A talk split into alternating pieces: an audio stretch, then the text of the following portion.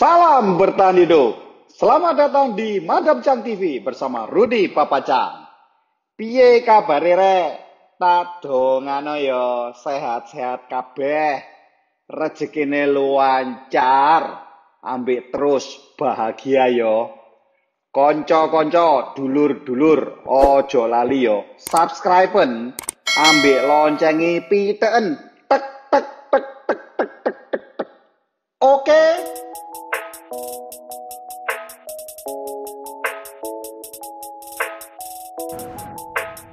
Selamat datang di Survival Talk Madam Chang TV. Kali ini kita kedatangan seorang yang sangat legend, sangat terkenal. Siapakah beliau? Selamat datang Pak Errol Jonathan. Terima kasih Pak Jang sudah mengundang saya di forum Bapak. Saya yang banyak-banyak terima kasih. Saya paham Pak Errol ini adalah seseorang yang sangat sibuk. Mengcover semuanya harus kadang ke Jakarta, ke Surabaya, tapi masih mau meluangkan waktunya untuk berbagi di Survival Talk ini. Ya karena buat saya acara ini menarik dan penting Pak. terima kasih, terima kasih. Pak, ceritanya suara Surabaya ini, kenapa sih Pak bisa ngehit banget ya? Padahal kalau dibilang usianya jauh lebih muda Hmm. dari usia saya. Begitu. Ya. Ya artinya begini. Rumusnya sebenarnya adalah karena kita connected dengan people.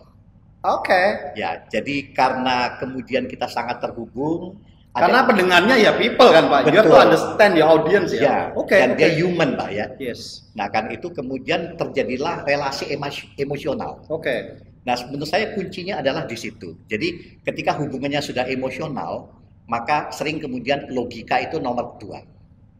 Artinya bahwa perasaan di sini menjadi lebih penting Oke. dalam relasi itu. Yang penting rasanya dulu ya Pak. Coba. Ya. Oke oke oke. Karena memang di radio sendiri rumusnya sebenarnya adalah radio adalah teman. Jadi keliru betul kalau kita menganggap radio semata-mata medium informasi, bukan.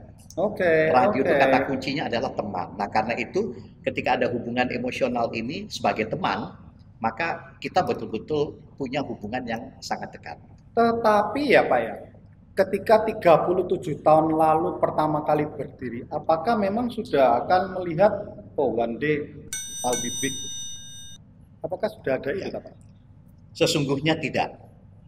Tetapi waktu itu idealismenya yang menurut saya kayaknya yang menghidupkan ini semua. Jadi ketika saya masuk di Suara Surabaya itu, radio ini udah jalan tiga bulan. Oke. Ya, saya bukan orang yang pertama kali membuka siaran di sana, sudah jalan tiga bulan. Lalu saya ketemu dengan ownernya almarhum Sutoyo Sukomi Harjo, yang kemudian dalam diskusi itu dia bilang begini, kok radio itu nggak kayak media massa pada umumnya ya? Radio itu kok kayak cuma lembaga hiburan, mutar musik, request dan sebagainya. Kalau zaman itu kalau nggak salah itu banyak radio kalau nggak salah ya, banyak program AMKM Anda meminta kami memutar ya. Yes. Ya, ya, itu saya yang ingat, ya, ya, kalau ya. anak sekarang bilang request itu, Pak. Ya, ya, ya, ya, ya, ya. Nah, pada zaman itu satu malam saya bertemu dengan beliau, lalu dia ngomong, kenapa ya kok nggak bisa jadi seperti itu? Nah, saya waktu itu masih belajar di Akademi Wartawan Surabaya, Pak, Oke. di AWS. Kemudian saya bilang, oh kalau pelajaran yang saya terima itu, itu disebutnya jurnalisme radio. Oke. Nah, langsung dia bilang, ya ya itu yang saya maksud. Langsung saya ditawari di Suara Surabaya, Pak, malam itu, dan diminta mulai masuk besoknya. Lalu dari sanalah kemudian idealisme beliau ini yang membuat Suara Surabaya menjadi berbeda dengan radio pada umumnya waktu itu. Waktu tahun 83 SS berdiri itu kan FM-nya baru tiga, Pak. Ya, Ya, selebihnya AM yang Papa Cang ini bilang tadi kan, Ya, ya. semuanya AM. Nah, tetapi ada diferensiasinya karena tiba-tiba suara Surabaya itu masuknya dengan informasi jurnalistik. Itu yang lalu membuat menjadi agak berbeda, walaupun awalnya sulit Pak. Karena ada banyak regulasi yang membatasi SS tidak boleh berberita.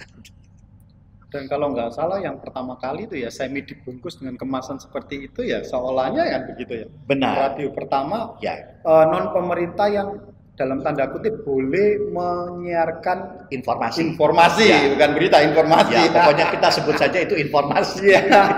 itu karena di regulasinya jelas dilarang untuk menyiarkan berita. Karena itu kemudian kami membungkusnya dengan formula-formula tertentu, tetapi substansinya tetap sebenarnya itu berita. Tapi kemasannya menjadi seakan-akan bukan berita. Dan kalau berbicara overall ya dunia radio ini Pak, saya pernah berpikir di tahun 90-an, saya memprediksikan, ternyata prediksi saya itu tidak terjadi. Saya berpikir bahwa satu hari radio ini akan mati. Oh, ya. no. Well, beberapa puluh tahun kemudian ada radio yang memang benar-benar mati. Ya, ya. Tapi SS ini tidak mati Pak, tapi malah lebih dan bahkan mengkokokkan ya kalau misalnya gini loh Pak, kalau antara nomor satu biarpun satu dan dua satu dan duanya bumi dan langit gitu loh bener. Itu ya apa Pak ceritanya itu Pak? Ya, memang kalau ramalan, I mean apakah ada satu program atau uh, apa yang dilakukan sehingga benar-benar bisa? Karena korek nih ya Pak, apakah ya, ya. ramalan itu rasanya bukan saya yang ramal itu Pak? Betul, malah sebelum Pak Pacang lahir, ramalan itu sudah ada. Radio akan hilang ya? Radio akan hilang ketika televisi pertama kali muncul di Amerika. Di situ orang bilang, wah ini nasibnya radio habis. Siapa mau dengar radio, tidak ada gambarnya. Nah, ternyata gitu. kok sampai dengan tahun 80-an radio masih ada. Lalu muncul internet. Orang bilang habis kali ini. Enggak juga sampai sekarang. Nah kata kuncinya satu, Pak Pacang. Bahwa radio kenapa nggak bisa mati? Karena dia voice. Dia suara suara nggak bisa digantikan oleh apa pun. Ya, gambar, teks, foto, video tidak bisa menggantikan suara. Karena suara adalah emosi manusia. Dan itu, itu ada kata-kata suara hati, Pak. Iya, itu. ya. Jadi artinya sepanjang kita mampu untuk memaksimalkan peran dan pengaruh suara ini, radio nggak akan mati.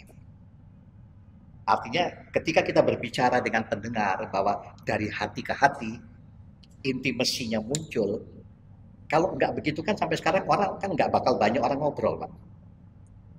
Kenapa orang sering sekali senang kali ngobrol gitu, butuh teman gitu ya. Telepon berjam-jam dan sebagainya. Padahal smartphone-nya udah canggih. Dan, dan padahal loh Pak, kalau orang mau telepon suara Surabaya dia kan bayar pulsa Pak. Betul Pak. Dan bukan cuma bayar pulsa loh Pak. Susah masuknya. Ya, ya saya sering mau telepon ya. udah kalau sulit udah tak tutup. ya. Tapi mereka memaksakan gimana caranya untuk saya bisa ngomong. Dan yang hebat saya rasa gini loh Pak ya, saya memperhatikan ya. Mereka menjadi bagian dan mohon maaf kalau kata Quran menjadi rohnya sendiri. Mereka itu punya ambisi dan merasa terbeban untuk bisa ya. menyampaikan informasi ini. Ya, ya. Benar ya Pak? Betul Pak. Dan itu memang karena kami menyasar segmentasinya kan orang-orang yang dewasa. Nah orang-orang dewasa sudah punya kesadaran yang lebih tinggi terhadap peran sosial, bukan lagi masalah eksistensi dan aktualisasi dirinya saja, tetapi peran sosialnya mereka sudah mulai tumbuh. Jadi itulah yang membuat mereka terdorong untuk ada hasil penelitian yang pernah kami lakukan itu. Resuminya menarik Pak. Memang pertanyaan intinya, kenapa sih mau repot-repot nelpon?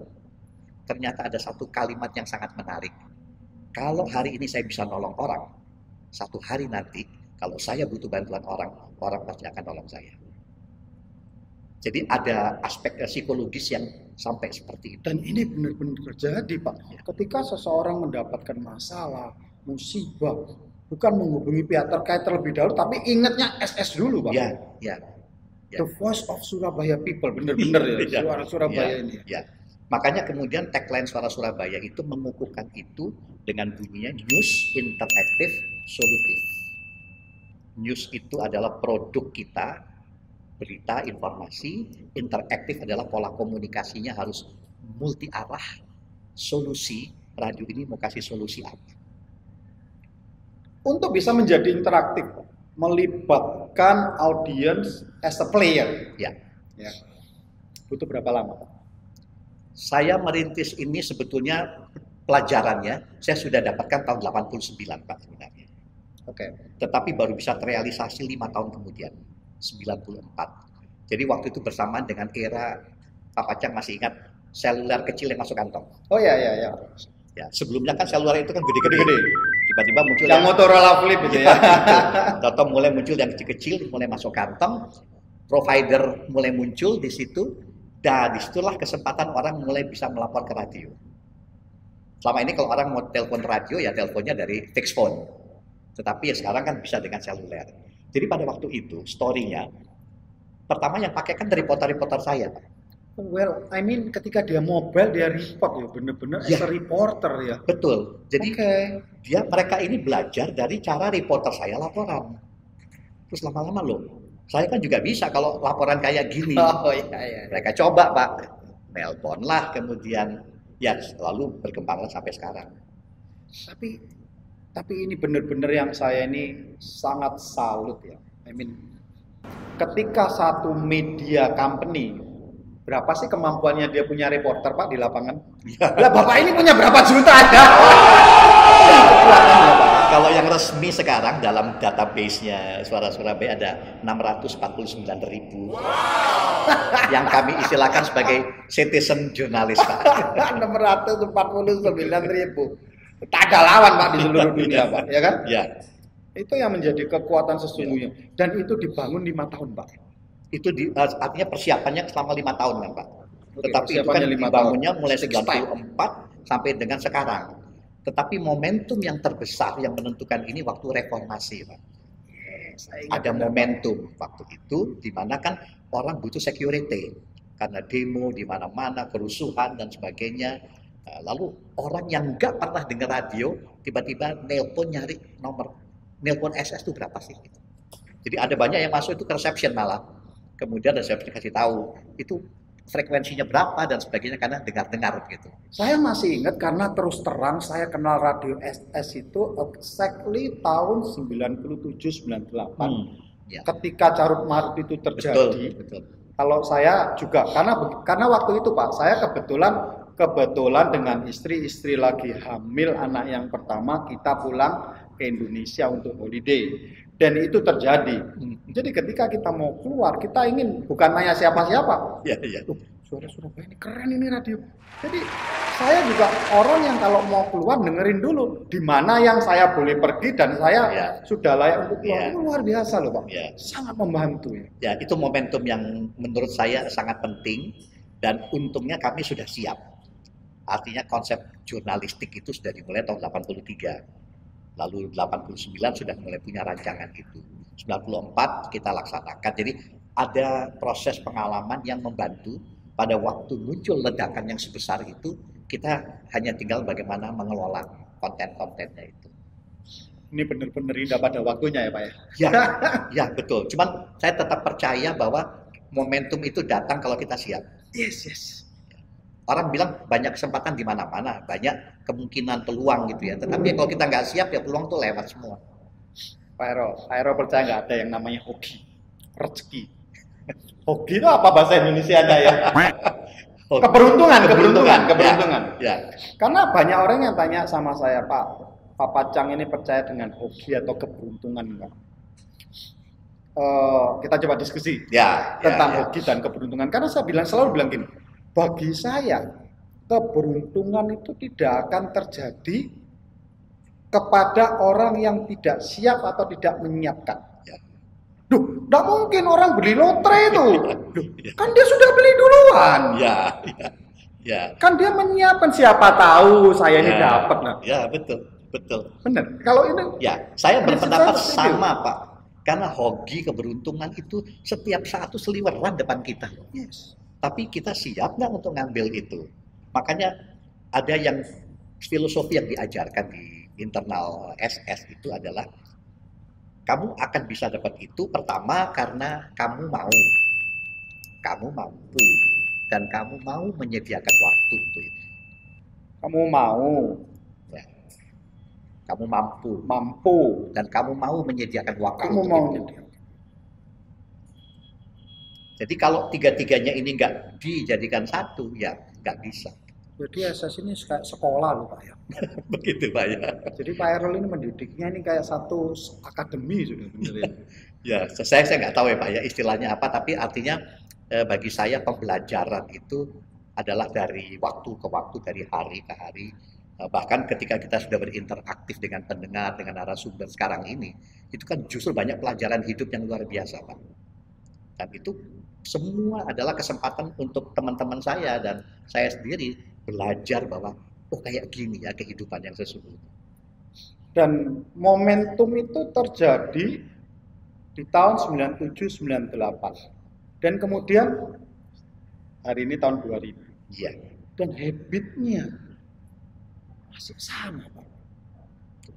Karena itu yang istilah saya tadi, suara nggak bisa digantikan. Pak. Orang butuh mencurahkan isi hatinya.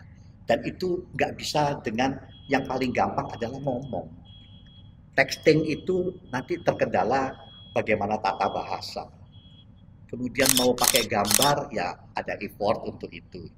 Tetapi yang paling mudah adalah komunikasi, orang bicara gitu. Nah radio itu adalah dunia orang bicara kan. Dan hebatnya sekali lagi di tahun 2000 ketika sesuatu yang besar terjadi, beruntunglah kita punya suara Surabaya. Terima kasih. Kalau dipikir-pikir ngeri sumbangsinya ya Pak ya. Ya saya juga nggak membayangkan ya Pak ya. Artinya yang bisa menilai ini mungkin bukan saya dan teman-teman di Suara Surabaya, tetapi ya orang luar. Tapi intinya kami selalu dipesankan oleh para father founder, berilah manfaat. Kalau kamu nggak mampu berikan manfaat lewat radio ini, wis lebih baik cari oh, pekerjaan lain saja Benar, yang benar, lebih bermanfaat Ya, untuk ya. orang lain. Wasting time. Iya, iya. Tapi saya saya juga begini loh Pak. Saya juga su- suka suka berbicara sama staff-staff saya. Artinya just do your best dan biarin orang lain yang menilai kita Ya, bagaimana. ya. Buat saya prinsipnya memang itu.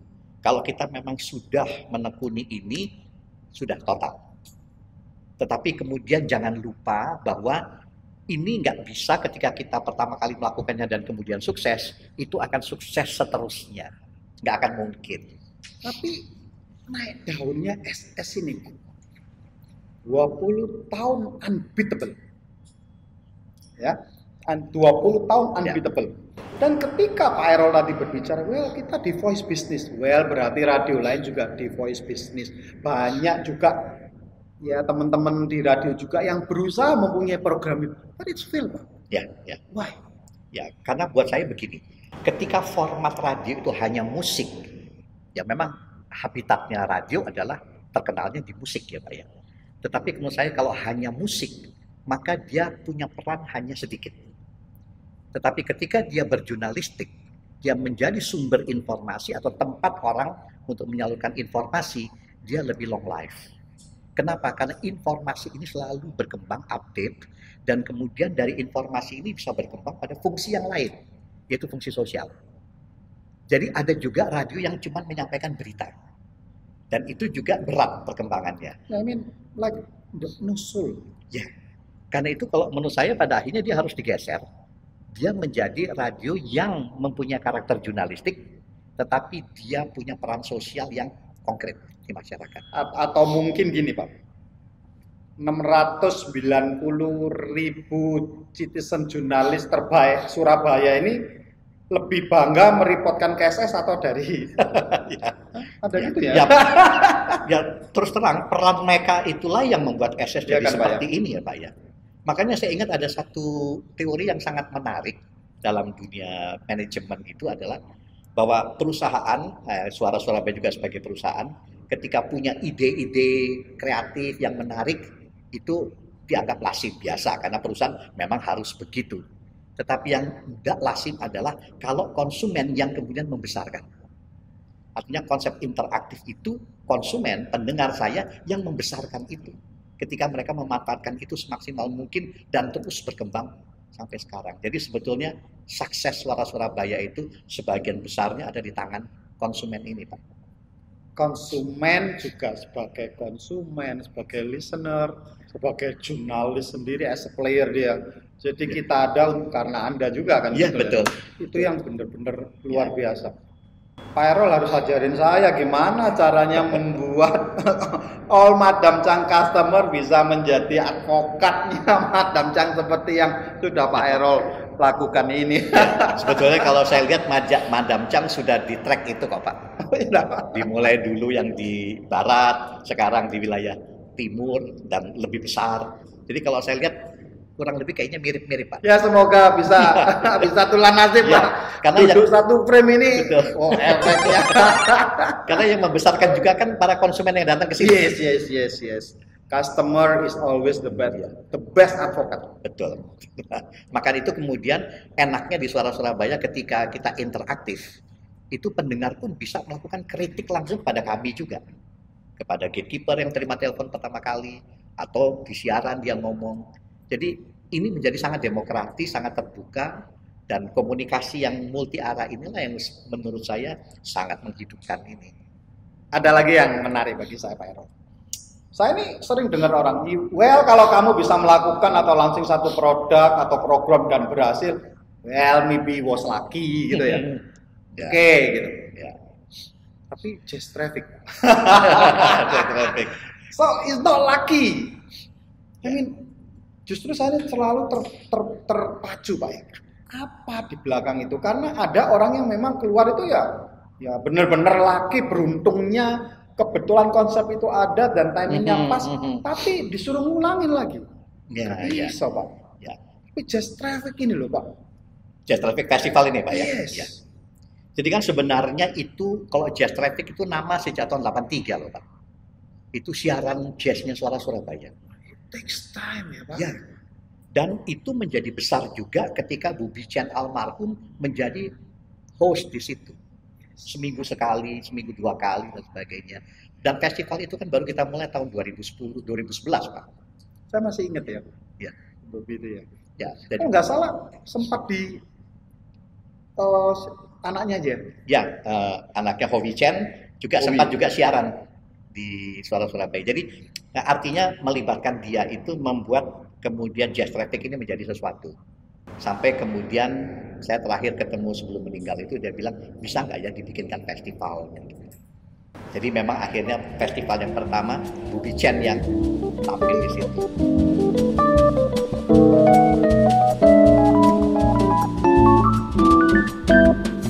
Jadi sebetulnya begini, subscriber, saya sampai hari ini meyakini dan setelah ngobrol dengan Pak Erol ini, saya lebih yakin lagi tidak ada yang namanya sukses itu bam.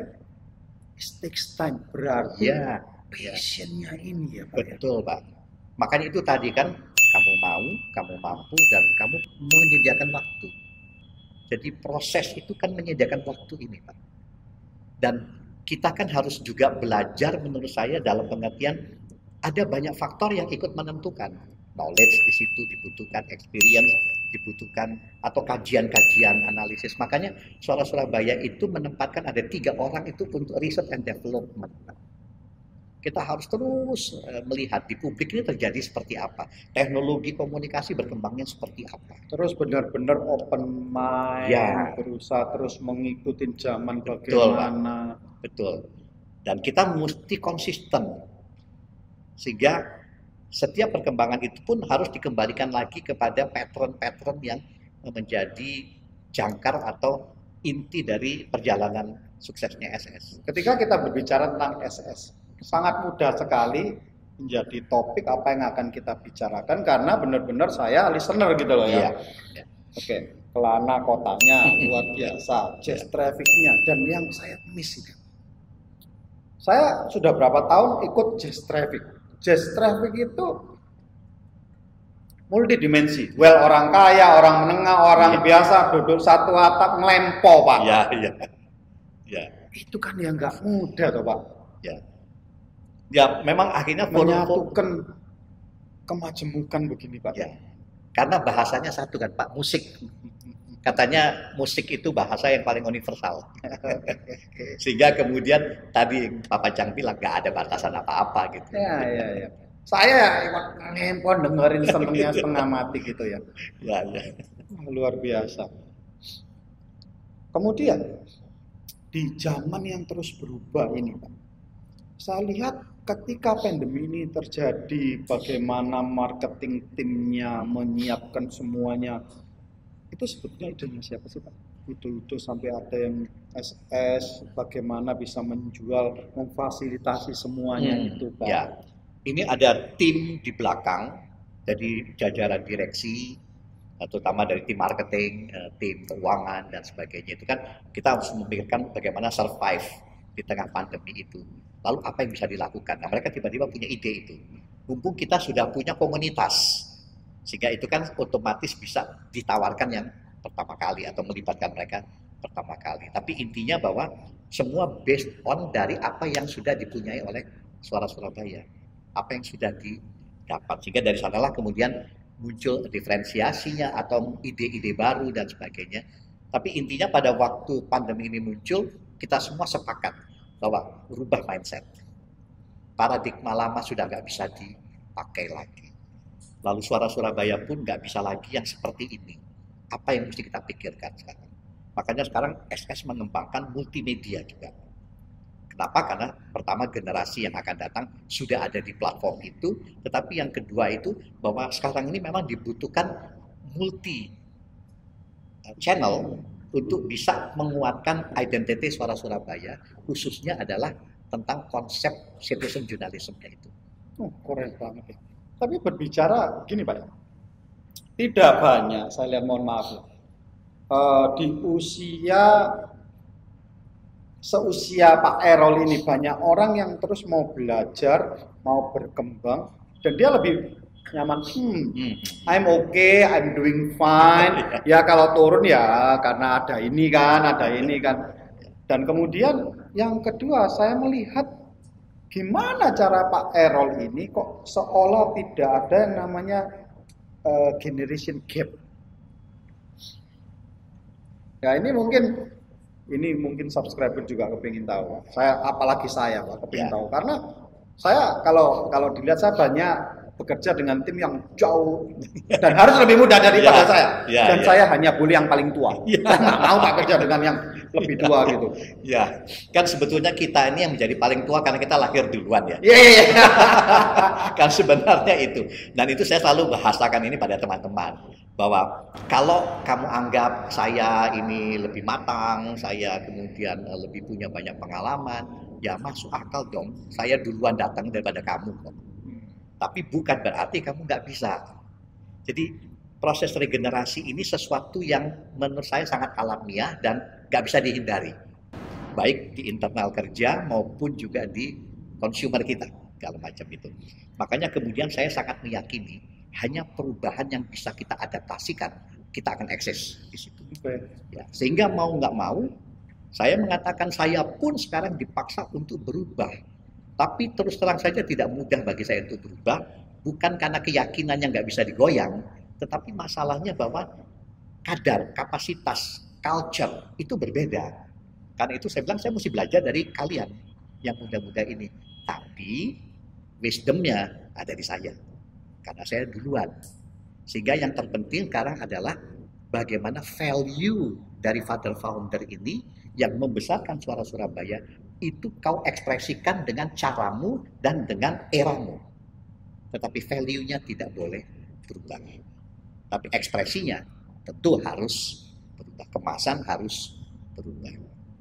Soalnya kadang-kadang ber bertim satu tim atau bekerja sama dengan Well, umur-umur yang berbeda ini kan kadang-kadang tidak mudah. Memang Pak, betul. Gimana Pak Erol? Betul, saya pun menyadari itu.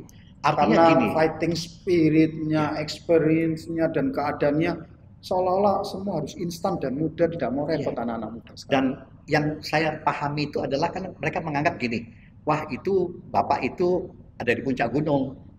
Atau kalau yang dalam pandangan negatif itu dinosaurus, kan ya. begitu. Tetapi saya berpikir ya dalam dunia komunikasi tidak salah. Karena bukan mereka yang harus dekati saya. Saya yang harus bisa mendekati mereka, meyakinkan mereka, kemudian memotivasi mereka, ngajak mereka bahwa saya sebetulnya sepemikiran. Kita ini sepemikiran. Cuma how to-nya, oh kamu lebih jago. Karena itu saya cuma kasih ide-ide. Gimana kalau begini, gimana kalau kalau begini dan seterusnya. Seperti itu. Tapi ya kalau saya mendengarkan Pak Erol ini sedikit banyak ya cara-caranya ini sama. Kalau saya sama tim ini Pak, mm-hmm. saya punya ide. This is frame-nya. Dan please color it. please implement it dengan frame yang seperti yeah, ini. Yeah, yeah. Karena saya juga tidak kepingin begini loh Pak.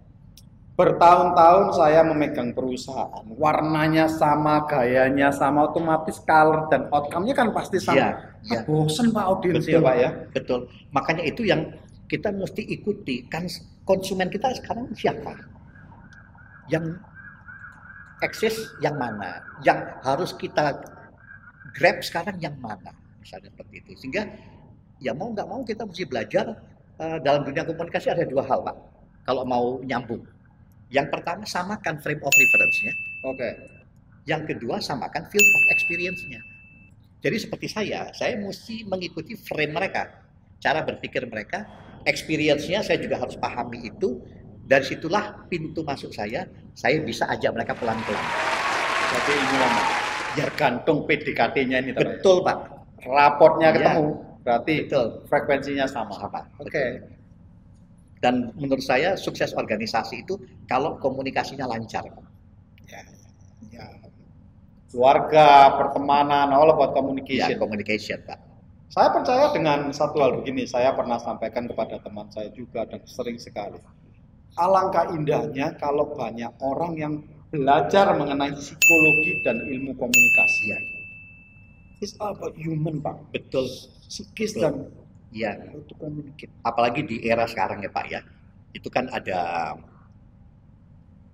buku tahun 80-an yang judulnya The Third Wave. Yes. Itu kan sudah mengatakan bahwa tahun 80 dan sekarang ini adalah abad komunikasi. Jadi bukan karena saya orang komunikasi lalu saya bilang itu yang paling hebat. Tetapi profesi apa pun hari ini tetap butuh kemampuan Iya, komunikasi. Iya, saya, saya sangat kalau itu saya seribu persen pak, mungkin 10 juta persen pak setuju pak. Karena karena saya sering ditanya orang, kenapa ya Pak Pacang ya? Orang ini sekolahnya tinggi loh, tapi nggak sukses kerjanya. ya misalnya nih dia kerja Ya. bagian program komputer, ya dia tidak pernah belajar bagaimana berkomunikasi dengan manusia. Ya. Dia cuma sekolah diajarin komunikasi dengan mesin. Ya, Padahal yang dapatkan kontrak itu manusia. Ya, betul, betul. Ya. Makanya ada kalimat menarik. Brilliance tanpa kemahiran komunikasi adalah kesia-siaan. Iya. Apa pun mau produk apa pun Iya. kan. Betul. Ada teman saya bilang, ini saya jual produk makanan burung. Kenapa nggak laku? Lah cara komunikasimu seolah-olah pelanggan itu burung gitu loh. Ya, ya. Burungnya yang makan. Tapi butuh orangnya untuk, oh ya burung saya tak makan ini ini. Iya, Jadi komunikasinya ke orangnya kan. iya, bukan ke burungnya. ya, ya. Wah, ini menarik, Pak. Menarik, Pak. Menarik. Jadi sudah terbukti benar-benar. Dan kalau kita berbicara tahun 2020, ke depan dunia radio bagaimana, Pak? 10 tahun lagi? Ya, saya nggak punya gambaran sama seperti dulu tahun 83 saya nggak punya gambaran, tahun 94 saya juga nggak punya gambaran, 98 nggak punya gambaran. Tetapi yang pasti adalah kita harus terus sensitif terhadap perubahan-perubahan ini. Dua hal yang perlu kita cermati betul, pertama adalah masyarakat publik, yang kedua adalah teknologi. Karena ini dua-duanya menjadi two in one sekarang ini, saling mempengaruhi. Sehingga kemudian saya selalu pesan sama tim saya adalah cermati dua hal ini. Dan sekarang proses mencermatinya harus lebih sering. Frekuensinya harus lebih sering. Karena perubahan-perubahan sekarang luar biasa cepatnya, revolusioner yang terjadi sekarang. Kalau saya melihatnya begini, Pak ya. 20 tahun ke depan, ini era yang lebih luar biasa bagi suara Surabaya. Hmm. Karena kalau saya boleh bilang bukan lagi AM/FM, sekarang radio sudah tertransformasi lagi menjadi digital radio. Ya, Ya itu there's no boundary. betul, betul. Dan dua tahun yang lalu saya membaca artikel 30 bisnis yang akan musnah. Hmm. Ya, ya, Radio nggak ada loh Pak. Radio nggak ada. loh. ya, ya, ya, Bioskop dan sekarang mungkin terbukti. Siapa yang nonton bioskop? ya, ya. Iya kan? Dan radio Pak luar biasa dari AM saya ngikutin. ya. Oh sebetulnya gini, AM, FM, satellite radio, Ya, dan ya. digital radio. Tapi satellite ini kan sebetulnya hampir sama ya, digital hampir sama, radio ya. hampir sama. Cuman dia terbatasi oleh jangkauan satelitnya. Ya, Tapi yes, dia yes. memang lebih luas daripada yang siaran terestrial yang pakai antena itu. Kalau satelit memang dia cakupannya tergantung dari dia mengcover scope-nya. Tapi yang pasti Dan dia waktu lebih itu terkendala juga harus abonemen mahal, Ya, bayarnya betul. US dollar ya. Dan termasuk ini, receiver ini nggak bisa dalam gedung. Dan harus beli khusus Pak setelah Betul, itu ya. betul. Dan itu harus di area terbuka baru tangkap. Sekarang Siaran. ke mana? Nah, Tidak sekarang dengar. semua dengan digital jauh lebih gampang.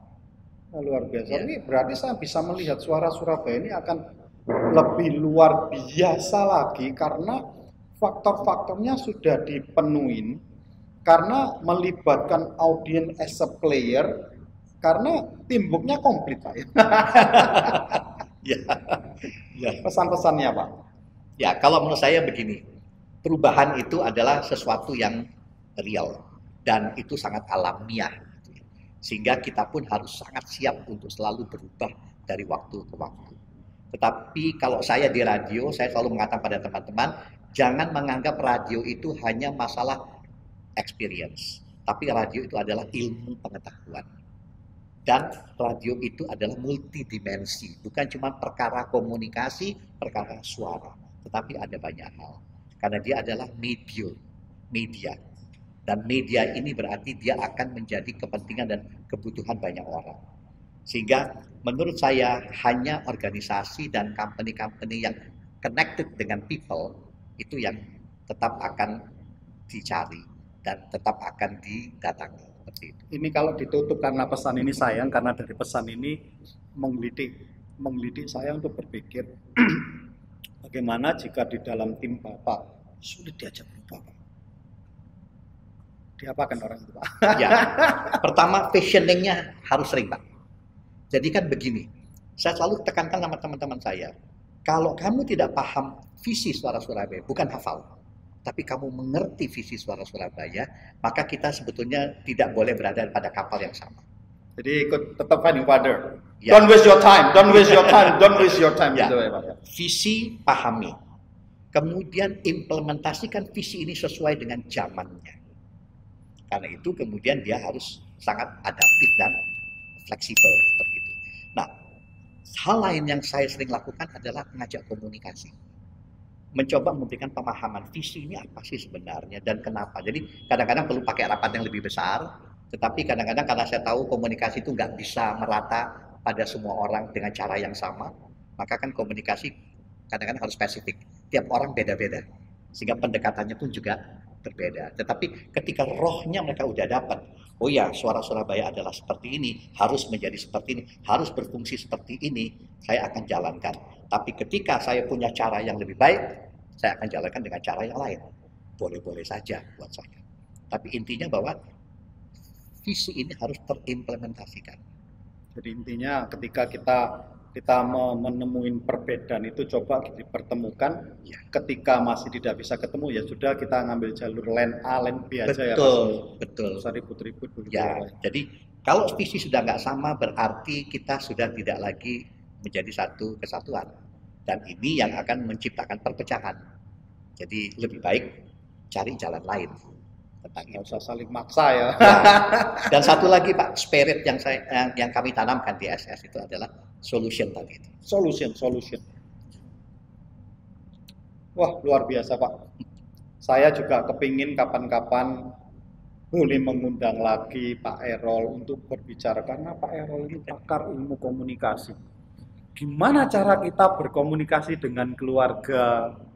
Karena banyak orang kerjaannya itu sukses, tapi keluar makanya gini, dia bisa berkomunikasi dengan timnya, teamworknya di tempat bekerja, tapi dengan teamwork di rumah, gak bisa ketemu Pak. Dan ini dan ini memang ciri komunikasi Pak. Pajang.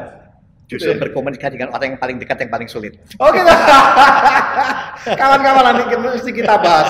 Kalau yang kalau ada yang setuju mungkin tinggalin di komen. Kita akan bahas bagaimana berkomunikasi dengan keluarga kita yang notabene katanya jauh lebih sulit daripada tim kita. Ya. Pak terima kasih banyak luar Sama-sama, biasa. Saya Pak dapat ilmu sangat banyak. Ya, saya terima kasih juga boleh berbincang dengan Anda dan terutama dengan subscriber. Ya, semoga bermanfaat. Pasti banyak orang yang kepingin tahu dan tidak bisa menanyakan langsung apa sih kunci sukses suara Surabaya ini. Dan sekarang sudah dikulik semuanya. Terima kasih banyak, Sama-sama. sukses selalu dan era digital adalah era suara Surabaya. Terima kasih banyak. Terima kasih. Salam bertani hidup. Sukses Pak. Sampai ketemu. Jangan lupa subscribe, lonceng dibunyikan, share, dan komen. See you.